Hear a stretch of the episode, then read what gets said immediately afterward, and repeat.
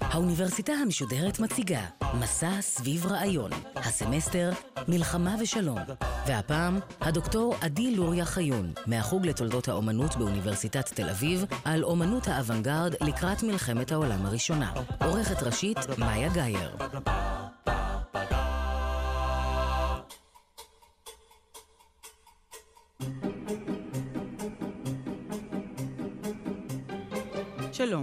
עדי לוריה חיון ואני חוקרת ומרצה בחוג לתולדות האומנות שבאוניברסיטת תל אביב. בעוד תחומי מחקרי נעים מניצני המודרניות במאה ה-18 ועד היום, ענייני העיקרי מתמקד בבעיות של ייצוג, ידע וידיעה. תרומתי לסדרת הרצאות זו, אשר מושאה ומלחמה ושלום, תתייחס לאומנות האוונגרד לקראת מלחמת העולם הראשונה. נבחן את הצביון המיליטריסטי שאפיין את מופעי אומנות האוונגרד, ונעסוק במשבר הייצוג ובהתמוטטות המבט הקוהרנטי. וממנו נמשיך אל האוזן וליצירות סאונד, עניין פחות מוכר בתולדות האומנות. המונח אוונגרד מעיד על טבעו המיליטריסטי כבר באיבו. פירושו המילולי בצרפתית הוא משמר קדמי, והוא מתייחס לחיל חלוץ המתקדם לפני המחנה, במטרה לפרוץ דרך. המוצג הופיע לראשונה ביחס לאומנות בצרפת של אמצע המאה ה-19, על ידי הסוציאליסט אנרי דה סן סימון, אשר האמין בכוחן החברתי והמהפכני של האומנויות, וראה באמנים, לצד מדענים ותעשיינים, כמנהיגי החברה החדשה. השאלה הניצבת במרכז דיוננו היא, כיצד האומנויות האוונגרדיות התכוננו מתוך אסטרטגיות חומריות, וכיצד הן באות לידי ביטוי ומתאפיינות בתצורות שונות למין ראשית המאה ה-20 ועד פרוץ מלחמת העולם הראשונה. ראשית אציין שקיימת הסכמה רחבה בקרב החוקרים כי אומנות המאה ה-20 מאופיינת על ידי עיסוק בשני מושאים רחבים. האחד, התמוטטות הגבולות האוטונומיים של האומנות הגבוהה, והפנייה החוצה, ליצירת אומנות שתפקידה חברתי, דידקטי ואתי. ומנגד, השני הוא אומנות לשם אומנות. אומנות הבוחנת את עצמה תדיר, בוחנת את מושאיה, את כליה ואת חומריה. שני אלו, האמנות הממוטטת את גבולותיה ונעשית בשירות או כתגובה ביקורתית לחברה מחד, והאמנות המתכנסת לתוך עצמה ובוחנת את טבעה מאידך, מובילים להבנה כי האוונגרד האומנותי עוסק גם באמנות פוליטית, חברתית ולאומית, וגם באמנות חדשה המבקרת ומערערת תדיר את עברה המסורתי ואת אמצעי הייצור שלה עצמה, את מושאיה ואת טבעה. אם כך, מה עושה אמנות האוונגרד? מה עושה אסתטיקה רדיקלית בתחילת המאה ה-20? וכיצד היא מושפעת מן השיח הפוליטי. ניכר כי האוונגרד התמודד עם המציאות בשני אופנים עיקריים, תגובה וחזון. נמצא כי ישנן יצירות אומנות המגיבות לנסיבות גיאופוליטיות, נוסח הקולוניאליזם. דוגמאות בולטות לכך הן האסתטיציזם של פול גוגן, או הקוביזם של פבלו פיקאסו וז'ורג' ברק. וישנן יצירות המגיבות לתוצאותיה הטראומטיות של מלחמה כזו או אחרת. דוגמאות בולטות הן הדאדה, הסוריאליזם והפיוריזם. מנגד, ישנן יצירות החוזות ומציעות הבטחות אוטופיות או מהפכות חברתיות, פוליטיות ולאומיות לכינונן של תצורות חיים חדשות, שוויוניות יותר, צודקות יותר, טובות יותר, וכאן נמצא את הפוטוריזם והקונסטרוקטיביזם. בין שהגיבו ובין שביטאו חזון, מופעי אוונגרד נענים למאפיינים מיליטריסטיים וכוחניים. למעשה, מבחינה היסטורית, ניתן לראות שוב ושוב כיצד מלחמות בפרט וקונפליקטים אלימים בכלל היוו סמנים לתכליתו וגבולותיו של האוונגרד, והיו לרקע ולתשתית מהם צמחו תנועותיו השונות. אם כן, נוסיף ונשאל, האם וכיצד משפיעה המלחמה על העשייה האומנותית? כיצד מבטאות הג'סטות הרדיקליות של קבוצות ניסיוניות את יחסן לנסיבות התפתחותם של אמצעי הלחימה? כאמור, במסגרת הרצאה זו נביט על אומנות האוונגרד שקדמה למלחמת העולם הראשונה. מלחמה זו סימנה תקופה וסף הפרדה המאפיין את התקופה המודרנית. זאת משום שבעוד שהיא לא הייתה המלחמה הרב-לאומית הראשונה, מלחמת העולם הראשונה מסמנת את המודרניות של המאה הקודמת כמופע גלובלי של הקפיטליזם התעשייתי, הקונפליקטים התעשייתיים חלוקת המשאבים הגלובליים בין מדינות הלאום המערביות. בנוסף, הייתה זו המלחמה אשר קבעה את האופק הטכנולוגי, אשר התפתחותו לאורך המאה ה-20 מנסחת את מאזני הכוח והאימה עד היום. המלחמה הגדולה הראשונה של המאה ניצבה כחזית ההתפתחות הטכנולוגית של אמצעי לחימה, והנכיחה אמצעים שאפשרו הרג אנונימי, מרוחק, מנוכר וקר, בו לא נראים פני האויב. כוונתי להתקפות אוויריות והשימוש בגז נגד אוכלוסיות גדולות. מאוחר יותר, המלחמה הקרה סימנה את החידוש שבשיגור טילים בלחיצה על כפתור, והמרחק מן האחר, מן האויב, גדל עוד יותר. אלו התפתחו לטכנולוגיות הצבאיות כפי שהן מוכרות לנו כיום. התקפות מזל"טים, שימוש ברחפנים, לוחמה וירטואלית, ותנועתן של אוכלוסיות פליטים גדולות.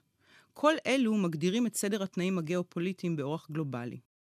כפי שנראה בהמשך, אומנות האוונגרד תגיב להתפתחויות הללו. אך טבעה של אומנות האוונגרד האירופאי, באורח חוצה מלחמות, כרוך ברקע הקולוניאליסטי של המערב, אשר כבש, חדר, הכפיף והרחיב את גבולות מדינות הלאום. הוא היווה מניע חשוב לא רק לפרוץ מלחמת העולם הראשונה, אלא אף מהווה מניע למלחמות וקונפליקטים אלימים עד היום. האימפריאליזם האירופאי, המוגדר כגזענות גיאוגרפית או כתת מודע גזעני, נמצא ברקע לצמיחת מופעי האוונגרד ולאסתטיקה האימפריאליסטית שהובילה לשברים בסולידריות הלאומית והחברתית. מתוך שברים אלימים אלו פרץ החוצה האוונגרד. הוא סימן אקטיביזם אינטלקטואלי ואומנותי שבא לידי ביטוי מתוך מצבי חירום. בתקופה זו, פעילות אומנותית ועמדות פוליטיות רדיקליות היו כרוכות האחת בשנייה, וביטוין המובהק ביותר ניכר בבעיית הייצוג.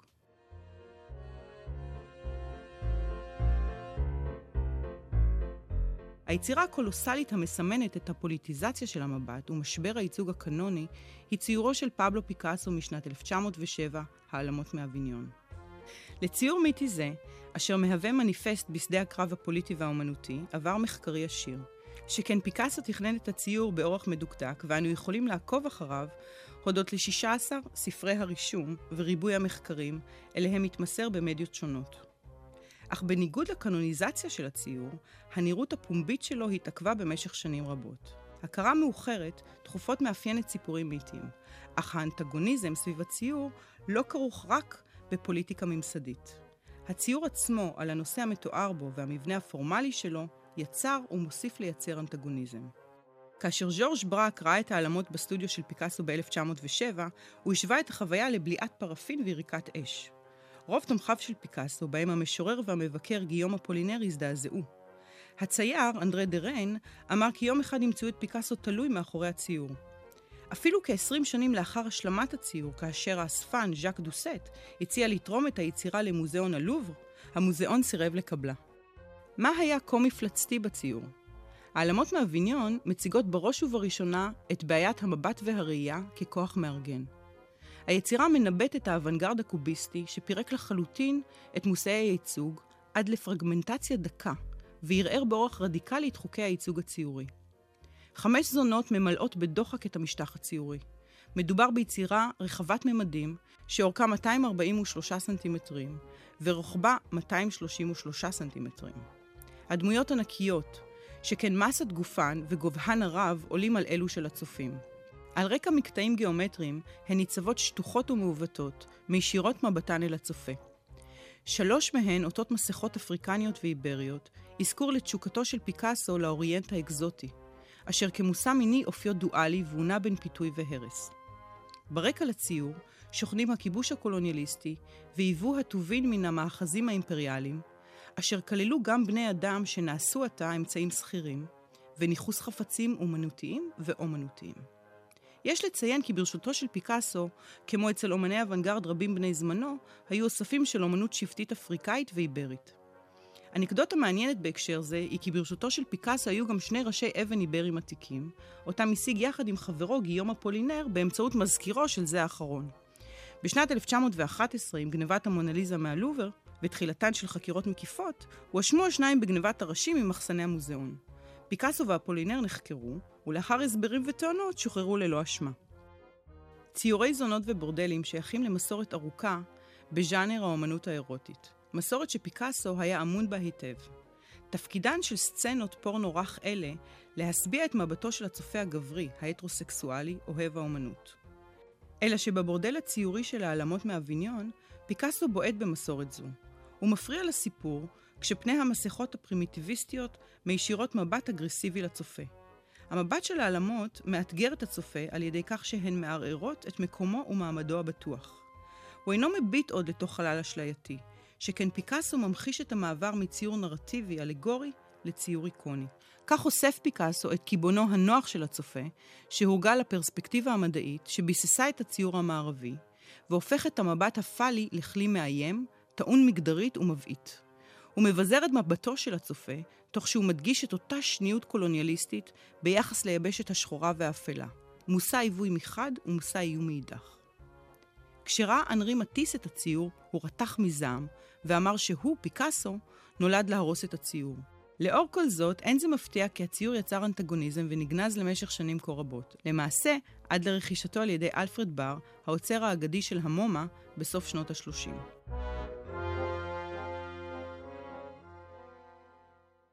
ואכן, במהלך השנים הבאות, האחדות הציורית, ואיתה הציור הנאות, פורקו מבפנים. בדיוק כפי שיבוא האחרות האקזוטית פנימה למרכז פריס, שינתה את פניה האירופאים האדוקים. אותו מהלך קולוניאליסטי יצר ציור היברידי חדש שאינו נענה לטבעו המסורתי. על ידי נטיעת המסכות הזרות, ההשטחה הציורית והפירוק הגיאומטרי, הדגיש פיקאסו כי הסימנים אינם קבועים. הם נעים, משתנים, מהגרים מתרבות לתרבות, משפה לשפה, ממערך למערך, והסיגניפיקציה שלהם, הוראתם, היא תלוית קונטקסט. ערעור תוקפו של הדימוי המימטי הוביל ליצירה הקוביסטית. שיאה היה בקוביזם הסינתטי המשלב בין הפשטה, צמצום צורני, שילוב שפות ציוריות שונות, ואף אובייקטים ממשיים המודבקים למשטח הציורי.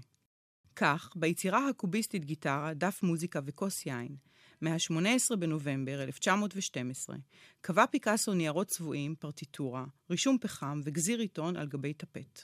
במבט חטוף, ציור קולאז' זה עלול להיראות תמים ומשחקי. הוא אף מתפלפל עם המילה לוז'ו, משחק, שאינה אלא חיתוך שם העיתון הפריסאי לז'ורנל. אך פיקאסו לא גזר את שם העיתון בלבד, אלא דאג להוסיף גם את הכותרת הראשית של היום. לבתאי סט אנגז'ה, המכריזה על תחילתם של הקרבות. זוהי מלחמה.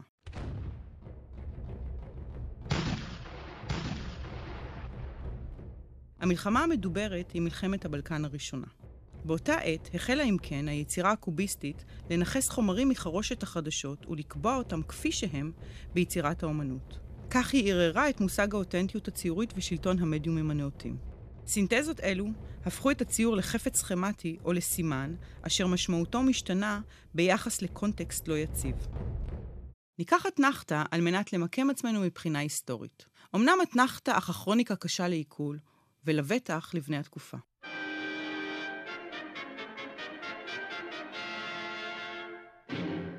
בעוד הקולוניות העצימו את כוחן הכלכלי והגיאופוליטי של מדינות רבות, השנים שהובילו למלחמת העולם הראשונה אופיינו בתזכורות טרגיות לגבולות ההמצאה האנושית, מחיר התיעוש והתוצאות הרות האסון של הכיבוש הקולוניאלי.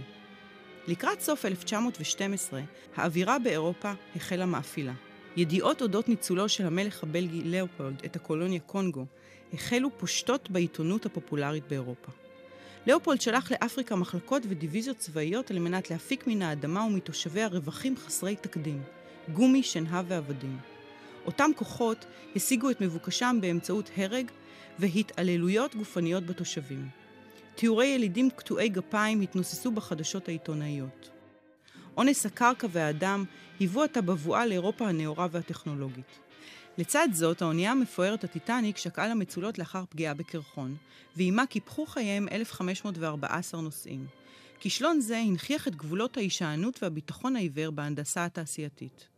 מלחמות הבלקנים הביאו להתפתחויות טכנולוגיות מזהירות שהבטיחו את ניצחונה של הליגה הבלקנית על העות'מאנים. בפרפורי האחרונים של האימפריה שכונתה עתה האיש החולה על הבוספורוס, התערבו גם איטליה, צרפת, גרמניה ואנגליה, וזאת לא משום מניעים מוסריים, אלא מתוך רצון להתפשטות כלכלית ופוליטית. אותה לאומנות קיצונית נראתה גם בתרבות ובאומנות.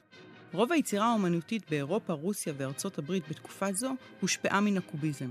אולם מלבד מספר מקרים בודדים כמו דה קיריקו ושאגאל, הסגנון הקוביסטי שימש מעתה לקידום רעיונות פוליטיים. אודות הקשר בין הסגנון הפרגמנטרי של הקוביזם והמלחמה, ניתן ללמוד מספרה של האספנית גרטרוד סטיין, המוקדש לפיקאסו. בספר היא טוענת כי המלחמה היא ייצוג כמו גם מדיום. באפילוג היא מתארת בדקדקנות כיצד המבט ממטוסי מלחמה מאפשר ראות טובה ועשירה, המזכירה לה את קווי הקוביזם. הקווים הנשזרים, הולכים ובאים, מתפתחים ונהרסים אצל פיקאסו. ההתעלמות מן הפרטים הפרטיקולריים של המלחמה והיכולת לפשט את השיטות והמהלכים של הקרבות לכדי אנלוגיה לפרקטיקה אומנותית, הצמיחו את גישתה הספרותית והאינטלקטואלית של סטיין. במובן זה המאה ה-20 היא מאה נהדרת עבורה, שכן הכל נסדק ונהרס. תפיסה מדהימה ומזעזעת זו מדגישה את הפסינציה, ההיקסמות, של רבים מבני התקופה מן המלחמה, באורח המתעלם כליל מן הזוועות, ההרג והטרגדיות האישיות. למעשה, תנועת האוונגרד, שראתה במלחמה קטליזטור ואף שיטה ליצירת אומנות חדשה, ועם החברה ואידיאולוגיה חדשות, הייתה הפוטוריזם. חדירתם של מופעי כוח מלחמתיים עניינו לא רק את פיקאסו, המהגר הספרדי לפריס, אלא גם מהגר נוסף לעיר, פיליפו תומאסו מרינטי. מרינטי, איטלקי במוצאו וברוחו האידיאולוגית, פרסם ב-20 בפברואר 1909 את מניפסט ייסוד הפוטוריזם על עמוד השער של העיתון הצרפתי לה פיגארו. פרסום זה מסמן את הפעם הראשונה בה האוונגרד נטמע בתרבות המדיה ומיקם את עצמו כנגד המסורת וההיסטוריה. החלטה זו לפרסם את המניפסט על גבי עיתון, מורה כי מתחילת דרכו, הפוטוריזם ביקש לייסד ברית בין האוונגרד ובין תרבות ההמונים, ולנצלה לצורך הפצת תעמולה בחרושת התקשורת. הפוטוריסטים ראו במלחמה את הפוטנציאל והאופן הטוב ביותר לתיאור העבר המנוון וכינונו של עולם חדש, שתהא לו מודעות חדשה ולאומיות חזקה. הם חגגו את הטכנולוגיה, התיעוש, המכניזציה, המהירות והדינמיזם. הם קראו להרס המסורת התרבותית על כל מוסדותיה. הם קראו להעלות באש את המוזיאונים, האקדמיות והספריות. הם בזו לכל דבר ישן. איננו רוצים חלק בו בעבר, הם הכריזו. חגיגת האלימות נשזרה בהערצת פיתוחים טכנולוגיים שכללו את תאוצת המכוניות, המטוסים והסביבה העירונית המתועסת. מרינטי, מייסד הפוטוריזם, מתאר תאונת דרכים בה התהפך עם מכוניתו לתעלה, כאשר ניסה שלא להתנגש בשני רוכבי אופניים. דרמת חילוצו מן המכונית ההפוכה, כשהוא עטוי מעין שליה של בוץ, נחוותה בעיניו כלידה מחדש. על פי הפוטוריזם, כל מה שהצביע על ניצחון האנושות על הטבע הושר כשיר הלל. לתפיסתם, תפקידה של האומנות לנכס את הטכנולוגיה ולהוביל את האדם החדש לתכליתו, הקוראת לשלב בין נפשו והאינסטינקט האגרסיבי הטבוע בו, ובין המכניזציה הסובבת אותו. זו תהא תחילתה של ציוויליזציה, אשר עבורה נדרשת המלחמה כטיהור הרוח האנושית. האדרת טיהור זו השפיעה גם על האידיאולוגיה הפשיסטית, אשר מרינטי לקח חלק פעיל בכינונה. הפוטוריסטים האמינו בדינמיזם אוניברסלי. מושג אותו הגדירו כמציאות בה גופים אינם מופרדים האחד מן השני או מסביבתם. כך גופים מהדהדים בתוך גופים אחרים, נוגעים בגופים אחרים, משפיעים תדיר על תצורתם וטבעם. לכן, יצירות האומנות החדשות תהיינה סינסתטיות וקינסתטיות, ותשלבנה את חוויית החיים הממשיים על ממדיהם הסימולטניים, כלומר תפיסת מופעים מרובים בו זמנית, הטמפורליים, קצב החיים המשתנה במהירות, ותנועת הגוף במרחב. באנגליה של טרום המלחמה נמצא רעיונות דומים שקראו לתנועת הציקלון הטכנולוגי שתשאב את כל האנושות. עזרא פאונד כינה זאת וורטיציזם, ווינדאם לואיס, מייסד התנועה, ניסח את המניפסט שקרא למלחמת אזרחים בינות בבוני המסורת השלווים וציירי סייבורגים בנוף טכנולוגי. אצל הפוטוריסטים, הצורך לתרגם את הפער בין המחשבות הרדיקליות שהוכרזו במניפסטים ובין היצירות עצמם היה בלתי מתפשר. מהו ציור דינמי ומהו פיסול קינסתטי? נדרשו זמן וניסויים רבים לתרגם רעיונות אלה לאומנות. אתעכב כאן על שלושה. ב-12 בדצמבר 1913 ניכר אחד החידושים הבולטים במדיום האומנותי. הסרטה. כלומר, הערב הפוטוריסטי שהיה מאורע סינגולרי, מופע חד פעמי, שהתרחש בתיאטרון ורדי שבפירנצה. המופע פורסם בפוסטרים, בפליירים ובעיתונות, וקרא לקהל רב שהצטופף באולם עד אפס מקום. אל הבמה פרצו ז'ובאני פפיני, שנודע בתור האדם המכוער ביותר באיטליה, ומרינטי, הקולני ביותר, במטח חלים של עלבונות. הקהל הגיב בשריקות, צעקות, קריאות בוז והתכות של עגבניות רקובות וביצים על הפרפורמרים. מרינטי קרן מאושר והשיב: התנהגותכם חסרת המעצורים מהנגד. הטיעון היחיד שיש בידי אנשי המסורת הוא ירקות מסריחים. פפיני התקיף את העיר פירנצה כנגועה במגפה, וקרא למשב אוויר פוטוריסטי צח שיטהר את המסורות.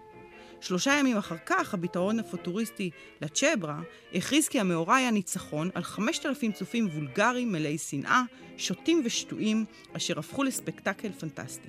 הסרטה עיצב את האומן הפלסטי כפרפורמר בחלל ציבורי, ואת האומנות כתצורה תיאטרלית. הפרפורמר הפוטוריסטי הקולני, וקולו פרץ והפריע לשיח הציבורי הנאות. ציור הקולאז' של קרלו קארה משנת 1914, התערבות מחאתית, חוזר על הקקפוניה הקולית באמצעים גרפיים. הקומפוזיציה המרכזית בציור מציגה עיגול שממנו יוצאים קודקודי משולשים לכל עבר, באופן המזכיר את צורתו של רמקול. הציור נענה למושאי הלאומיות וחיקוי הקולות של שדה הקרב. זו דוגמה מרכזית ומובהקת לאסתטיקה הפוטוריסטית כפי שהגיעה לשיאה לפני מלחמת העולם הראשונה. היצירה כוללת את כל האמצעים בהם השתמשו הפוטוריסטים. פרגמנטציה, החדרת גזרי עיתונים וחומרים מעולם השיווק, דינמיקה ויזואלית החבה למבנה הקולאז' כמטריקס של קווי כוח מצטלבים, ולבסוף, סמיכות האותיות המצביעה על ריבוי קולות פונטיים וייצוגיים, המערערים על קשריהם למסומנים הסימבוליים. לשיטתם, הציור הוא פרפורמנס פונטי אונומטופאי של שפה, חיקוי ישיר של קולות סירנות, קולות מנועים, מכונות ירייה וצווחות אנשים. אך עתה אלו הותקו מן הרקע הנרטיבי של מבנה הדיבור האנושי, והפכו לשדה גרפי מהפכני. הציור הפוטוריסטי הושפע מן השירה הרוסית הקובו-פוטוריסטית והקליגרמות, שהם שירים הכתובים באופן ציורי, של גיום אפולינר. אך ייחודו באופיו הלאומי. הוא הציג לראווה סיסמאות מלחמה בהן קרא להפלת אוסטרו-הונגריה, ומנגד העלה על נס את המולדת עם כיתובי איטליה, איטליה. אלו היוו המשך ישיר לקולאז' הקוביסטי, והפוטוריסטים הפכו אסתטיקה זו למודל חדש של תעמולה. האדרת המלחמה הוכרזה בכיתוב המדמה קולות של פעימות תופי קרב. זנג טומטום. הזנג טומטום היה האוסף הראשון של שירת המילים המשוחררות של מרינטי, אשר פורסם גם הוא ב-1914.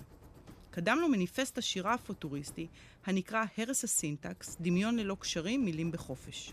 היצירה היא טיפוגרפיה חופשית על גבי נייר, המבקשת לבטא את המראות, הקולות והריחות של חוויות מרינטי בשדה הקרב בטריפולי, במלחמה האיטלקית-עות'מאנית. תיעוד השמע של שדה הקרב אפשר למרינטי לשחרר את המילים מהמודלים הסטטיים של השפה, וקידם סוג חדש של דינמיזם בקקופוניה טכנולוגית. מרינטי נטש את מאפייני השפה, לקסיקליות, ייצור משמעות, תחביר ודקדוק. נשמע קטע, שימו לב לחיקוי האונומטופאי של קולות הקרב. Ogni cinque secondi cannoni d'assedio spentare spazio con un accordo. Pam, pum pum.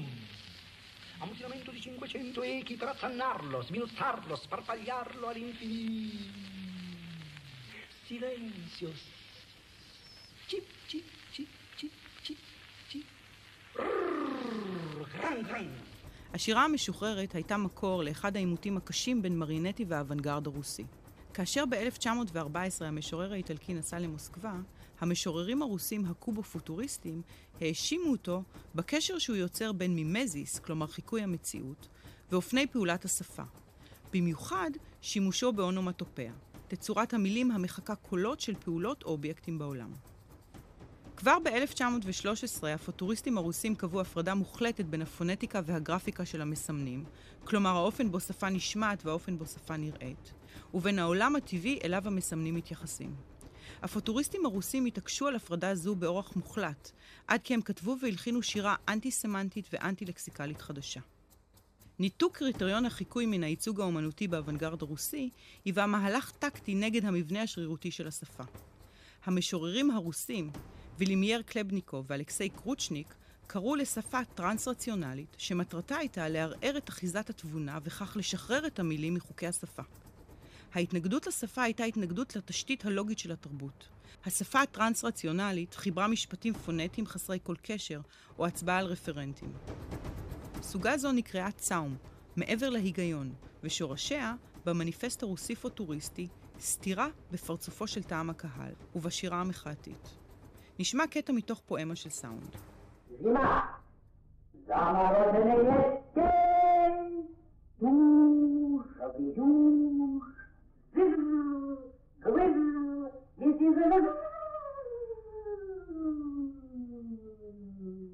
הקובו-פוטוריזם הרוסי התפתח לשתי תנועות אוונגרד, הסופרמטיזם של קזימיר מלביץ' והקונסטרוקטיביזם של ולדימיר טטלין.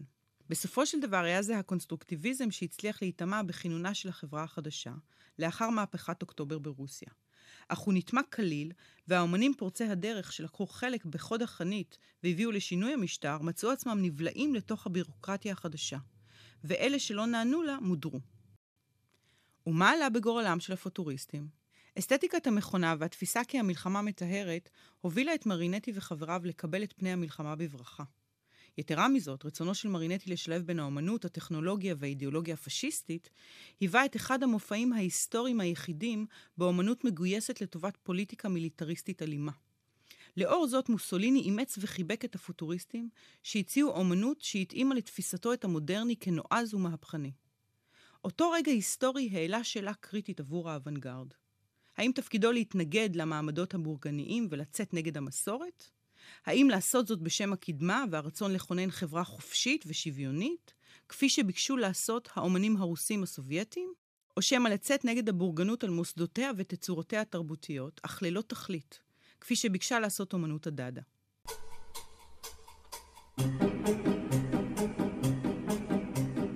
נסיים כאן ערב פרוץ מלחמת העולם הראשונה. לסיכום אומר כי האסטרטגיות של אומנות האוונגרד האקספרימנטלית בעיתות מלחמה מציגות את קיומו של האוונגרד כמופע עיקש שלא ייעלם. הסיבות לקיומו העיקש אינן נובעות מהלל לחדשנות או לניצחון תנועה כזו או אחרת, אלא משום שאומנות אקספרימנטלית ורדיקלית מגיבה למציאות פוליטית, למשברים ולהתפתחות אמצעי לוחמה. ובמאה השנים שחלפו מאז מלחמת העולם ההיא, היו לנו מכל אלו בשפע. אך כיום, אף שמדובר בתקופה רוויה באמנות פוליטית, עם החשד שמעוררות אידיאולוגיות גדולות, היא אינה מתיימרת עוד להתהדר בתואר אוונגרד. במקום זאת היא זוכה לכינוי אמנות אקטיביסטית. הפילוסוף הצרפתי פול ויריליו טען כי כלכלת המלחמה היא תמידית, וכי בעוד שהרציונל המיליטריסטי שואף למימושו במלחמה הטהורה, למעשה הגשמה זו מופיעה דווקא לא בעת הקרב, כי אם במצב הביניים המפר את השגרה שלקראת המלחמה. כך גם האומנות האקטיביסטית היא אומנות מפריעה. היא מפריעה לחזון, לנרטיב, למיתוס ולמושג האמת, שאינם אלא אוסף של דימויים, מקטעים ושיבושים.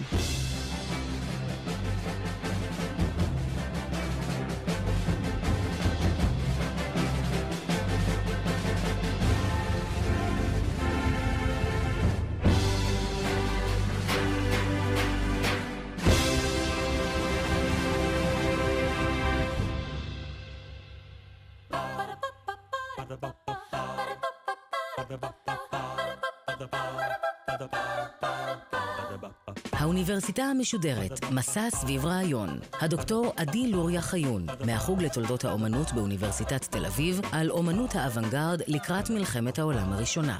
עורכת ראשית, מאיה גאייר. עורכות ומפיקות, נעמי קנטור יצחייק ונוגה סמדר. האוניברסיטה המשודרת, בכל זמן שתרצו, באתר וביישומון גלי צה"ל ובדף הפייסבוק של האוניברסיטה המשודרת.